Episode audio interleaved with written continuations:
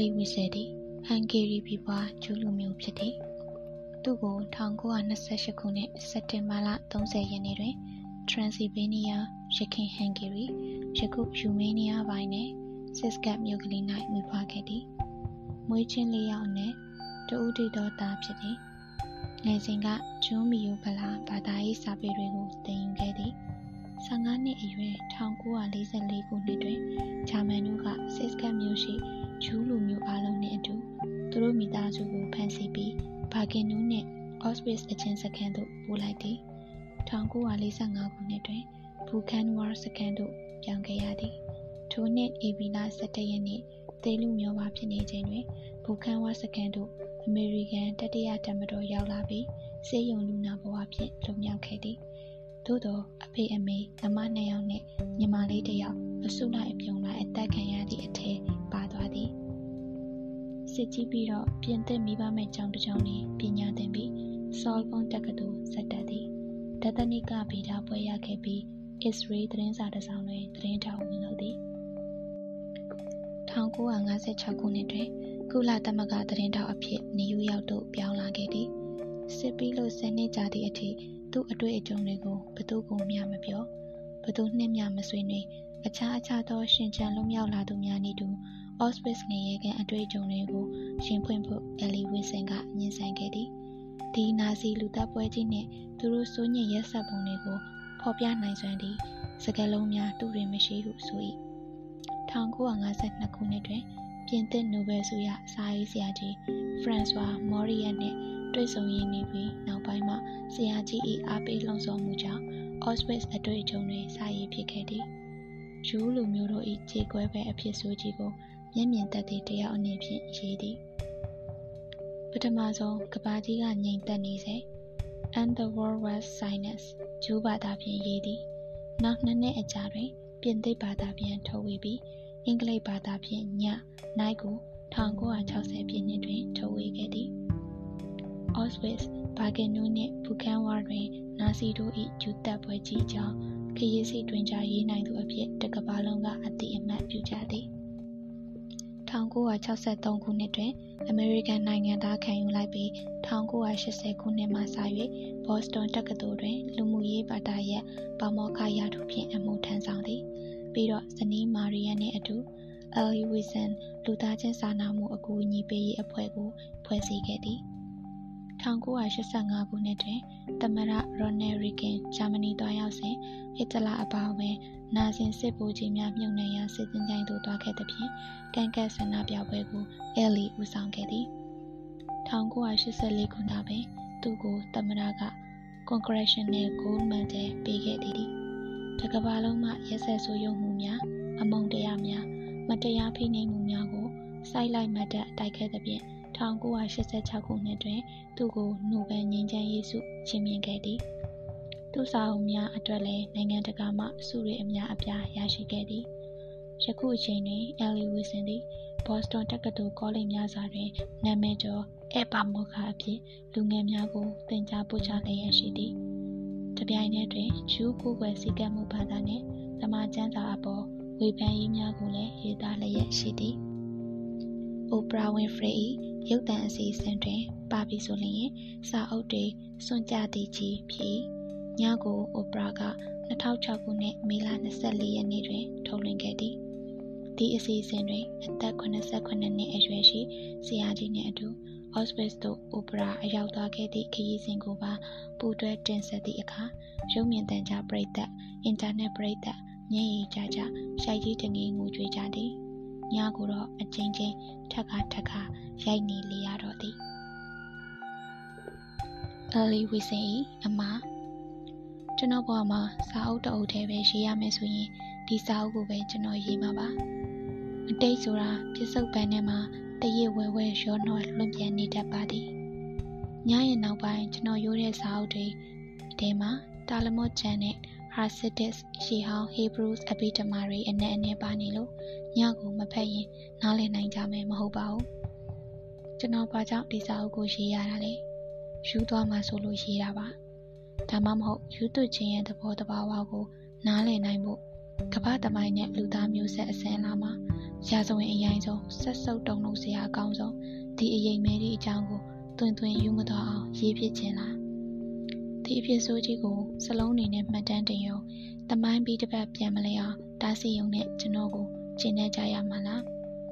စေကျော်တဲ့အရွယ်ကကျွန်တော်ဘဝနဲ့ရင်ခဲ့ရတဲ့ဒီမှတ်တမ်းကိုဖန်ပေါင်းကြောင်နဲ့ထည့်ထားရုံနဲ့ကျင့်နေရတော့မှာလားကျွန်တော်တို့ဒီလိုပြောရင်လူတွေလည်းရှိပါတယ်ဒီစာအုပ်ကိုရေးဖို့အတွက်ကျွန်တော်အသက်ရှင်လွတ်မြောက်လာတာတဲ့အဲ့ဒါကျွန်တော်မသိပါဘူးဘလို့လွတ်မြောက်လာတယ်ဆိုတာကျွန်တော်သိမသိပါဘူး အဲ့ဒီတုန်းကတေကောင်ပေါင်းလဲခံခဲ့ရလို့အားပြက်ပြီးဘာမှမလုပ်နိုင်တော့ပါဘူးဘာမှမသိတော့ပါဘူးဒါဆိုတကူတော်ရှင်တပါးပါကကျွန်တော်ကိုကယ်တင်ခဲ့ခြင်းလားမဖြစ်နိုင်ပါဘူးကောင်းကင်ဘုံကကယ်နိုင်လိမ့်မယ်ကယ်တင်ပေးလိမ့်မယ်မဟုတ်ပါဘူးကယ်တင်လိမ့်မယ်ဆိုရင်လည်းကျွန်တော်ထက်ပိုပြီးကယ်တင်တဲ့သူတွေကိုဘာကြောင့်မျက်ကွယ်ပြုခဲ့သလဲကံကောင်းခြင်းတစ်ခုတည်းကြောင့်ကျွန်တော်ရှင်ချမ်းလွတ်မြောက်ခဲ့တာပါထားပါတော့ ကျွန်တော်အသက်ရှင်လွတ်မြောက်ခဲ့ပါပြီဒီလိုကံကောင်းစွာလွတ်မြောက်လာခဲ့ခြင်းအတွက်ကျွန်တော်အတိတ်ပဲရှာဖွေရပါလိမ့်မယ်ထုတ်ဖော်ရပါလိမ့်မယ်ဒီလိုရှာဖွေဖော်ထုတ်ရမှာအတွေ့အကြုံမှတ်တမ်းတင်ရုံတင်တဲ့စာတမ်းမျိုးဖြစ်တဲ့ပါသလားဘဝကိုတပင်လည်းမြန်ကြည့်မိရဲ့အခါမှာကျွန်တော်ဘာတွေမှတ်တမ်းတင်ရမယ်ဆိုတော့မသိတော့တဲ့အကြောင်းကျွန်တော်ဝန်ခံပါတယ်ဒါပေမဲ့ကျွန်တော်သိတာတကူရှိပါတယ် ဒီတူချက်ကိုမှကျွန်တော်မြည်ရရင်စာရေးဆရာတယောက်အနေနဲ့ရောကျွန်တော်ဘဝတစ်ခုလုံးပါဘာမှအတိတ်ပဲရှိတော့မှမဟုတ်ပါဘူးအခုဘဝကိုလည်းကျွန်တော်ရောက်လာမှာမဟုတ်ဘူးဒီရှောင်းလဲချက်ဟာတက်သေးခံပစ္စည်းလည်းဖြစ်ပါတယ်ကဘာပေါ်မှာအစိုးရုပ်ဆုံးလူသမိုင်းမှာအရက်ဆက်ဆုံးပြစ်မှုကြီးကိုကျွလွန်ခဲ့တဲ့ရန်သူဟာဒီအဖြစ်ကြီးတကယ်မဖြစ်ခဲ့ပါဘူးဆိုပြီးဖုံးဖိဖို့ခြေဖြတ်ဖို့ကြိုးစားနေပါတယ် ဒီလိုမလုပ်နိုင်အောင်တားဆီးဖို့ကျွန်တော်မှတာဝန်ရှိရလို့ကျွန်တော်အလေးအနက်ယုံကြည်ထားပါတယ်ခုတော့ကျွန်တော်တို့ကံကောင်းပါတယ်ကျေးဇူးတင်ဖို့လည်းကောင်းပါတယ်အထောက်အထားတွေစာရွက်စာတမ်းတွေရှာဖွေတွေ့ရှိခဲ့ပါပြီဂျာမနီမှာနာစီပါတီအာဏာရပြီးအစောပိုင်းကတည်းကဂျူးလူမျိုးတွေကိုမောင်းထုတ်ဖို့ဂျူးတွေမပါတဲ့လူအဖွဲ့အစည်းတစ်ခုတည်ထောင်ဖို့စီမံကိန်းတွေချခဲ့တဲ့အထောက်အထားတွေပါဒါပေမဲ့သူတို့ခေတ်ကုန်ကနေမှသူတို့ရဲ့ရည်မှန်းချက်တွေပြောင်းသွားတယ် ကဘာကြီးကိုအပြက်စီးတွေကြားထဲမှာထားခဲ့တယ်ဂျူးဆိုတာဘယ်တော့မှမရှိခဲ့ဘူးသလိုအပြက်စီးတွေကြားထဲမှာသူတို့ဖျောက်ဖျက်ဖြစ်ခဲ့တယ်ဒါကြောင့်ရုရှားနိုင်ငံတွေကနေရာတကာမှာလစ်သူအေးနီးယားမှာယူကရိန်းမှာဂျာမန်မုန်တိုင်းတပ်တွေကသူတို့ရဲ့စစ်တပ်နက်ပြောင်းတွေကိုဂျူးတွေစီလှည့်လိုက်တာပေါ့ယောက်ျားမိန်းမတွေကလေးတွေတက်ကြီးရွယ်အိုတွေစုပြုံတက်ပြီးမှအေယာမတွင်ကြီးထဲမှာဖို့ပစ်ခဲ့တာပေါ့ အဲ့ဒီမှာဂျူးတသန်းကျော်အသက်ခံခဲ့ကြရတယ်နောက်မှအထူးတပ်ဖွဲ့တွေကအလောင်းတွေကိုပြန်ပေါ်ပြီးမိရှို့ခဲ့ကြတယ်ဒါကြောင့်ကပ္ပသမိုင်းမှာဂျူးတွေဟာနှစ်ခါတည်ခဲ့ရတယ်ဒါပေမဲ့လူနဲ့တူအောင်တင်းကြိုင်းမှာမြုပ်နှံတကြိုခွင့်မရခဲ့ကြဘူးဒါကြောင့်ရှင်းပါတယ်ဟစ်တလာနဲ့သူ့ရဲ့လူလွန်မသားတွေဆင်နွှဲခဲ့တဲ့စစ်ပွဲဟာဂျူးယောက်ျားဂျူးမိန်းမနဲ့ဂျူးကလေးတွေကိုတပ်ဖြတ်ဖို့တာမဟုတ်ဘူးဂျူးလူမျိုးတို့ရဲ့တမိုင်း ဂျူးလူမျိုးတွေရဲ့ဘာသာတရားယဉ်ကျေးမှုအလုံးကိုဖျက်ဆီးပစ်တဲ့စစ်ပွဲပဲ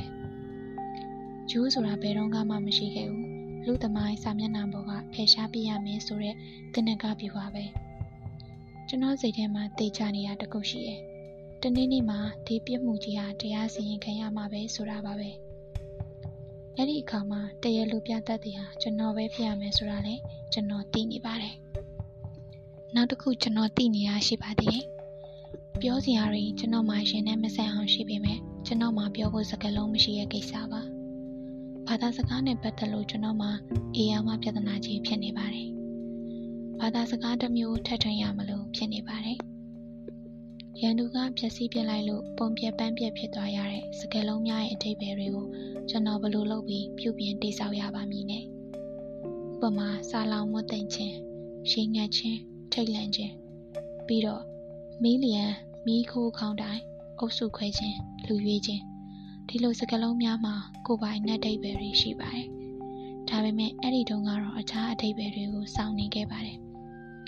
ကျွန်တော်မိခင်ဘာသာစကားနဲ့ရေးပြန်တော့လေအဲ့ဒီဘာသာစကားကလည်းတိန်ကောပပျောက်လူနေပါဖြစ်နေပါပြီစာချောင်းတစ်ချောင်းကနေရှေ့မတိုးပဲဖြစ်နေပါတယ်ကရိယာတွေကိုဘာသာစကားချင်းဖလှယ်ရမယ်ထင်ပါတယ် ဒါဆိုရင်ပုံရိပ်တွေချိန်ငိုတန်တွေပါကျွန်တော်စကားလုံးတွေမဟုတ်တော့ဘူးပေါ့သူများစကလုံးတွေကိုခိုးယူလဲစားရတော့မှာပေါ့ဒီနီးနားလည်းမမှန်သေးဘူးမဟုတ်သေးဘူးဓာတ်ထက်ဒီနီးဆိုတာဘာပါလဲတော်တော်ခက်ခက်ခဲခဲရှာဖွေရတဲ့နီးဖြစ်လိမ့်မယ်ဖျားသခင်ကိုမထိမဲ့မြင်ပြတဲ့နီးပဲသူများပိုင်တဲ့ကိုကျူးကျော်လူယူတဲ့နီးပဲအဘိဓမ္မာပေါင်းဆောင်ကပေးတဲ့စလုံးတွေဟာအားမရှိဘူး အသက်မပါဘူးအလုံးပိတ်ရထားကြီးနဲ့ခရီးဆုံးဘမမဲမသိပဲတွားရတဲ့ခရီးအကြောင်းကိုတရုပ်ပေါ်အောင်ဖော်နိုင်တဲ့စကားလုံးရှိနိုင်ပါမလားဒါမှမဟုတ်ရေခဲလွင်မြေမှာစောင့်တရမရဖြစ်နေကြတဲ့အခန်းတွေလူမဆန်နိုင်မှလူရဝင်တဲ့လူစားတွေ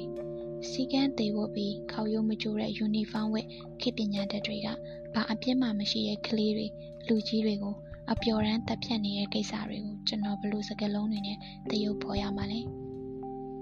မီးလိုပူတဲ့ညတညာထဲမှာပဲတကွဲတပြားစီဖြစ်သွားတဲ့မိသားစုပေါင်းများစွာအတိုင်းဝန်းပေါင်းများစွာအကြောင်းကိုကျွန်တော်ဘလို့ရေးဖွဲ့နိုင်မှာလဲကျွန်တော်တို့ရောက်တဲ့ညမှာပဲသူ့အမေနဲ့အတူအသက်ခံလိုက်ရတဲ့ရွှေရောင်စပင်းနဲ့ချူမင်းမချောကလေးအကြောင်းကိုဘလို့အသေးနှလုံးနဲ့ကျွန်တော်ရေးချရမှာလဲတကူလုံးတစ်ဆက်ဆက်မတုံပဲထောင်ဝရအသေးမကွဲပဲဘလို့လုပ်ပြီးပြောထွက်နိုင်ပါမည်နဲ့ ဒါရီဒါရီရဲ့မျက်မြင်သက်သေဟာသူ့လျှောက်လဲချက်ကိုညင်းပယ်ကြမယ်ဆိုတာသူ့ရင်ထဲကသိနေတယ်။တကယ်တော့လူဘဝရဲ့အမှောင်ဆုံးတွေကထွက်လာတဲ့အဖြစ်တစ်နှစ်တွေပဲ။ Auschwitz ကိုမရောက်ဘူးတဲ့သူတွေမသိနိုင်ဘူး။ရောက်ဘူးတဲ့သူတွေပဲသိနိုင်တယ်။သူတို့တွေတောင်ဘလောက်သိခဲ့ကြသလဲ။အားနည်းသူကိုကူညီဖို့နာမကျန်းဖြစ်သူကိုပြုစုဖို့ကလေးတွေကိုကာကွယ်ဖို့လူကြီးသူမတွေရဲ့ပညာဉာဏ်ကြီးမြတ်မှုကိုယူသေးလေးစားဖို့ဆိုတာတွေဟာ တာမန်လှုပ်ရိုးလှုပ်စင်အလုပ်တွေဆိုတာလူတိုင်းနားလည်ကြပါတယ်။ဒါပေမဲ့ Auschwitz ထဲမှာဘာဖြစ်ခဲ့တယ်လဲ။ကျင်းစာတက်နေတဲ့ဒေတာမှာဘာတွေဖြစ်ခဲ့တယ်ဆိုတာသူတို့နားလည်နိုင်ကြပါမလား။အားအင်ချိနေပြီးဘာမှရန်တက်ထုတ်ရမပြုတ်နိုင်တဲ့သူတွေကိုသူတို့ကြိုးပမ်းနှိပ်စက်ကြခဲ့တယ်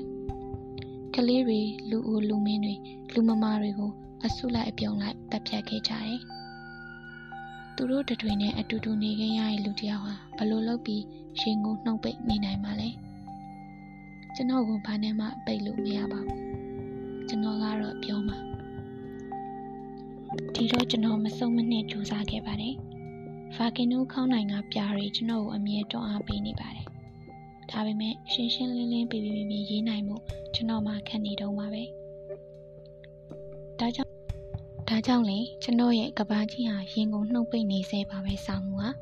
အင်္ဂလိပ်ဘာသာရောပြင်သစ်ဘာသာပါပြန်ပြီးမှထုတ်ပေးမဲ့သူရှာမရခဲ့ပါဘူး။တိုက်ကြီးတွေကတွင်တွင်ပယ်ခဲ့ပါတယ်။နောက်ဆုံး Nobel ဆုရှင်ပြင်သစ်စာရေးဆရာကြီး François Mauriac နဲ့တွေ့ပြီးသူ့ကြိုးစားအားပေးမှုနဲ့ကြမှာစာအုပ်ဖြစ်လာပါတော့တယ်။ကျွန်တော်ဘလောက်ဖြတ်ဖြတ်မူလကျူးဘာသာနဲ့ရေးထားတဲ့နောင်ညဖြစ်လာမယ့်ဒီစာမှုကြီးဟာရှေးမဲရှေးနေတော့မှာပဲ။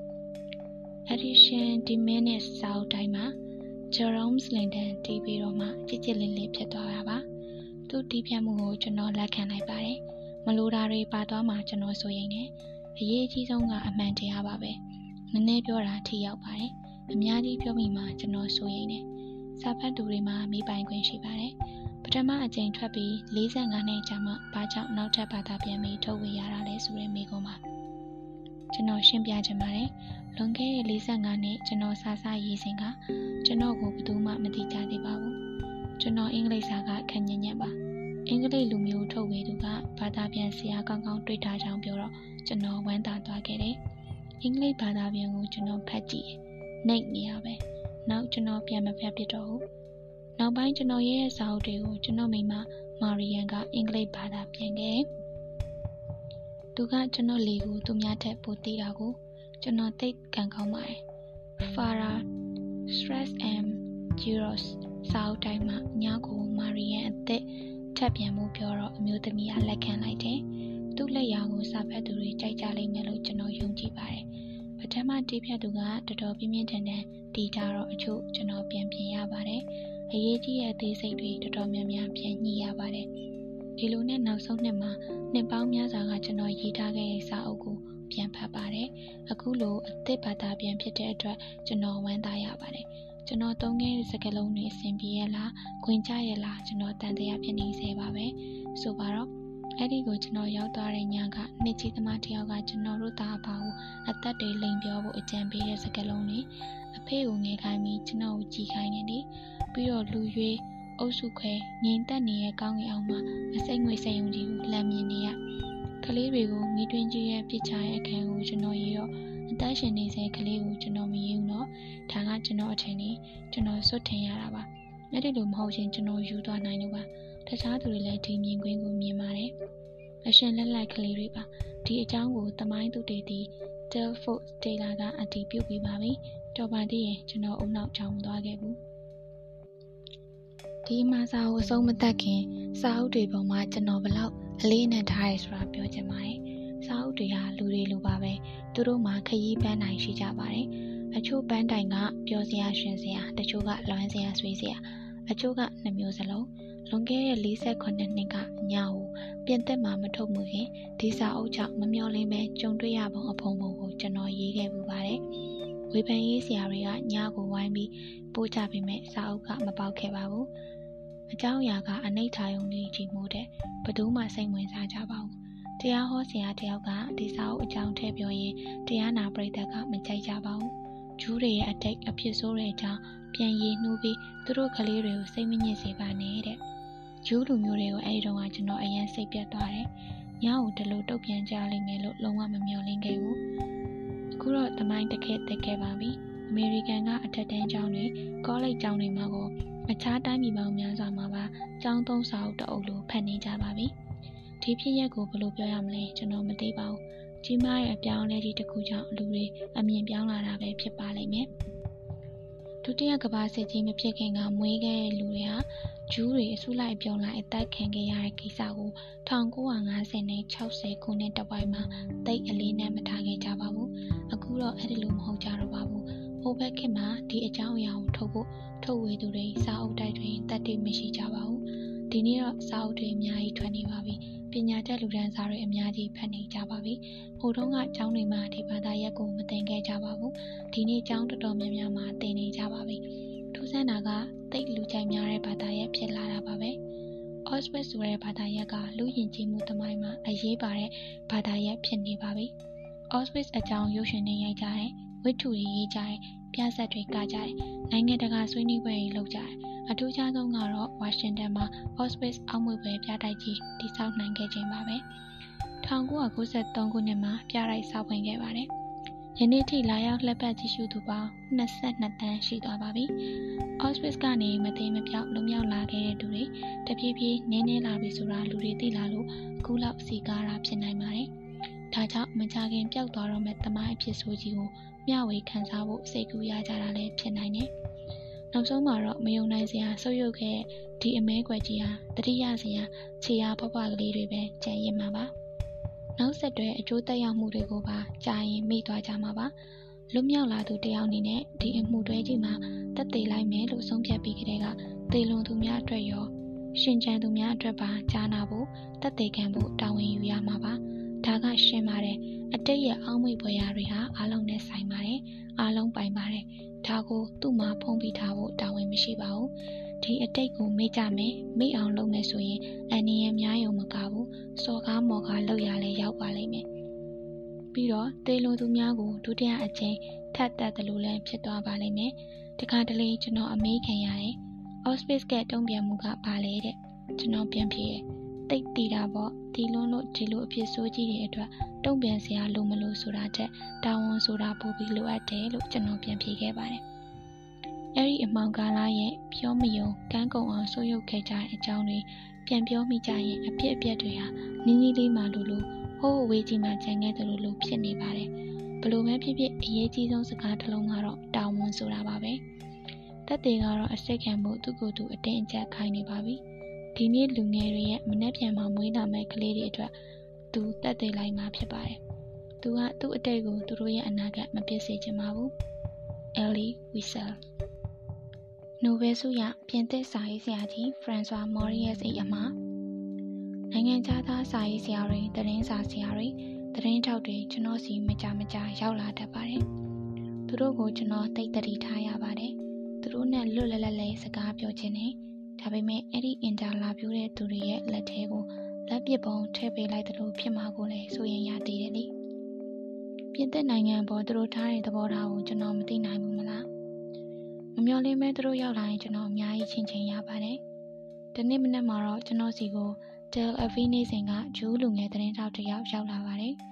စကားဝိုင်းစပြီဆိုတာနဲ့သူ့ကိုကျွန်တော်သဘောကျသွားတယ်သူကလည်း view ဖို့ရောက်လာတာပါပဲ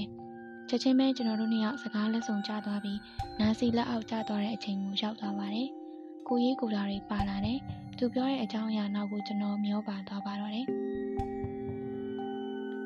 ကျွန်တော်တို့ဟာနာစီအောက်ရောက်ခဲ့ပေမဲ့ဓာတ်ရိုက်မခံစားခဲ့ရလို့ဒီအကြောင်းအရာတွေကိုတိတ်ကြီးအလေးအနက်မထားခဲ့ပါဘူးအဲ့ဒီအကြောင်းလူငယ်သတင်းတောက်ကိုပုံပွင့်လင်းလင်းပဲကျွန်တော်ပြောပြလိုက်ပါတယ်တကယ်တော့အလုံးပိတ်ရထားနဲ့ Auspice ကိုပါသွားတဲ့ဂျူးတွေကိုကျွန်တော်မျက်စိနဲ့မမြင်လိုက်ရပါဘူး ကျွန်တော်မိမပြန်ပြောလို့တီးခဲ့ရတာပါသူကမျက်မြင်ကိုယ်တွေ့သမားဆိုတော့တော်တော်တုံ့လှုပ်ခြောက်ခြားခဲ့ပါတယ်။အဲ့ဒီတုန်းကနာစီတွေရဲ့ဂျူးမျိုးဖြုတ်ရေးစီမံကိန်းအကြောင်းဘယ်သူမှမသိသေးပါဘူး။ဒီလောက်မမရိုင်းရိုင်းကိစ္စကြီးကိုဘယ်သူစဉ်းစားမိမှလဲ။ဒါပေမဲ့ဖြစ်နိုင်မှုတိတ်ခတ်တဲ့မယုံကြည်နိုင်တော့တဲ့ကိစ္စကြီးဟာတကယ်ဖြစ်ခဲ့ပါတယ်။အမေရှင်တွင်နေရကလေးတွေကိုအတင်းဆွဲသွားကြတယ်ဆိုတာဘလို့မှနားလည်လို့မရနိုင်တဲ့ကိစ္စပါ။ အဲ့ဒီနေ့ကစပြီးကျွန်တော်ယုံကြည်လိုက်ပါတယ်။ဒီလောက်လွန်လွန်းတဲ့အဖြစ်များဟာကြကြမတည်တတ်နိုင်ဘူးအဲ့ဒီခေတ်ကုံဆုံးပြီးခေတ်တစ်ခုရောက်လာတော့မယ်ဆိုတာပါပဲဆက်ရှိရာစုကအနောက်နိုင်ငံသားတွေအိမ်မက်မက်ခဲ့တယ်သူတို့ဟာ1989ခုနှစ်မှာခေတ်သစ်ရဲ့အလင်းတန်းကိုမြင်ရပြီလို့ထင်ခဲ့တယ်အဲ့ဒီအလင်းတန်းဟာ1914ခုနှစ်ဩဂုတ်လ2ရက်နေ့ရောက်တော့ပိုအားကောင်းလာတယ်တဦးချင်းတသနာတွေပုဂ္ဂလိကဝါဒတွေပေါ်လာတယ် သိပ္ပံပညာတိုးတက်လာတယ်အဲ့ဒီအိမ်မက်ဟာကလေးတွေကိုအလုံးပိတ်ရထားတွေနဲ့တည်သွားတဲ့တဲ့တင်ကြားရတဲ့နေ့မှာကျွန်တော်အတွက်ပျက်စီးသွားတယ်။ဒါတောင်အဲ့ဒီကလေးတွေကိုမီးလောင်တိုက်သွင်းဖို့အစိမ့်ငွေစက်ယုံနဲ့ထဲဖို့ဆိုတာမျိုးကျွန်တော်မတွေးမိသေးဘူး။ဂျူးသတင်းတောက်ကလေးကိုကျွန်တော်ပြောမိရဲ့။ငါဖြင့်အဲ့ဒီကလေးတွေအကြောင်းမကြမကြစဉ်းစားမိရဲ့ကွာ။ဒီတော့သူကပြန်ပြောတယ်။အဲ့ဒီထဲမှာကျွန်တော်ပါတယ်လေတဲ့။ အော်လက်ဆတတ်တော်သူက Auspice ပြန်ကိုသူတိတ်ချစ်တဲ့ညီမလေးရဲ့အမေနဲ့အမတွေရဲ့မိလောင်တိုက်အသွင်းခံခဲ့ရတယ်။အရှင်လက်ကဖျက်ပစ်ခဲ့ရတယ်။အဖေကြီးကလည်းတေကောင်ပေါင်းနဲ့အနှိမ့်ဆက်ခံရပြီးမှတည်ခဲ့ရတယ်။ဒါတွေအားလုံးဒီစာအုပ်ထဲမှာသူရေးထားတယ်။ဒီစာအုပ်အကြောင်းအသေးစိတ်တွေစာဖတ်သူများကိုကျွန်တော်စကယ်ဦးမတန်းတော့ပါဘူး။ Inference ဤနေ့စဉ်မှတ်တမ်းလို့စာအုပ်မျိုးတွေနဲ့အတူစာဖတ်သူများဖတ်ရှုကြရမှာပါ။ ဒီစာအုပ်ကဘယ်စာအုပ်နဲ့မှနှိုင်းယှဉ်လို့မရနိုင်အောင်ဆွဲဆောင်အားပြင်းတဲ့စာအုပ်ပါကျွန်တော်ရင်ကိုထိမှန်တဲ့စာအုပ်ပါဒီကလေးကိုစာအုပ်ရေးဖို့ဘုရားသခင်ကရွေးပေးခဲ့တာပါသူ့စိတ်အနေကိုကျွန်တော်တို့မှန်းကြည့်ကြရအောင်လားကောင်းကင်ကိုလွင့်တက်နေတဲ့မိခိုးမဲမဲတွေကိုသူ့မျက်လုံးအစုံနဲ့စောင့်ကြည့်နေခဲ့တယ်အဲ့ဒီမိခိုးတွေကထောင်ပေါင်းများစွာသောအခြားဂျူးလူမျိုးတွေနဲ့အတူသူ့မိသားစုကိုလောင်ကျွမ်းလွင့်တက်လာတဲ့မိခိုးတွေ ကျွန်တော်မှန်းလို့ရခဲ့ပြီ။နောက်ပိုင်းမှာမှဒီတငယ်ကိုကျွန်တော်သဘောကျသည့်ထက်ကြားခဲ့တာပါ။သူ့မျက်လုံးတွေကခရစ်တော်အသက်သွင်းလိုက်လို့တေယာမှထလာတဲ့လာစရက်ကမျက်လုံးမျိုးတွေပါ။ကျွန်တော်ကဘုရားသခင်ကိုယုံတယ်။ကိုတော်ဤမေတ္တာတော်ကိုယုံတယ်။ဒါပေမဲ့ကျိုးတံကြခံထားပြီးတဲ့ကလေးတယောက်ရဲ့မျက်နှာနဲ့ကျွန်တော်ရှိမှဒီတငယ်ကိုကျွန်တော်ဘယ်လိုပြောရပါမလဲ။ ဘာသာရေးနဲ့ပတ်သက်ပြီးသူကြောက်တုံးတုံးကိုခလုတ်တိုက်မိရင်အဲ့ဒီကြောက်တုံးဟာကျွန်တော်အတွက်အုံမြင့်ချရမယ့်ကြောက်တုံးဖြစ်နေပြီဆိုတာသူ့ကိုကျွန်တော်ပြောရမှာလားလောဝက်ကတိုင်တဲ့လူဘဝရဲ့ဒုက္ခဒုက္ခတွေအကြောင်းကျွန်တော်အမြင်ကိုပြောရမှာလားဒါတွေကိုစဉ်းစားရင်တငယ်လေးမှာဘုရားသခင်ကိုအယုံအကြည်ကင်းမဲ့လာတာမဟုတ်ပါဒါပေမဲ့နာစီလူသက်ဆက်ယုံတွေကနေပြီးဒိုင်ရွန်ဝါစာဟာတကြောပြန်ခေါင်းထောင်လာခဲ့တယ်လေ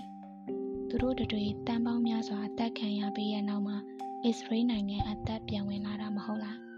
ဘဝတစ်ကိုဂျူးတွေကိုယ်တိုင်ပြန်လဲတည်ထောင်နိုင်ခဲ့ကြတယ်ကျွန်တော်တို့တွေကသူတို့လိုမျက်ရည်တစ်ပေါက်ရဲ့တန်ဖိုးကိုမသိကြဘူးသွေးတစ်ဆက်ရဲ့တန်ဖိုးကိုမသိကြဘူး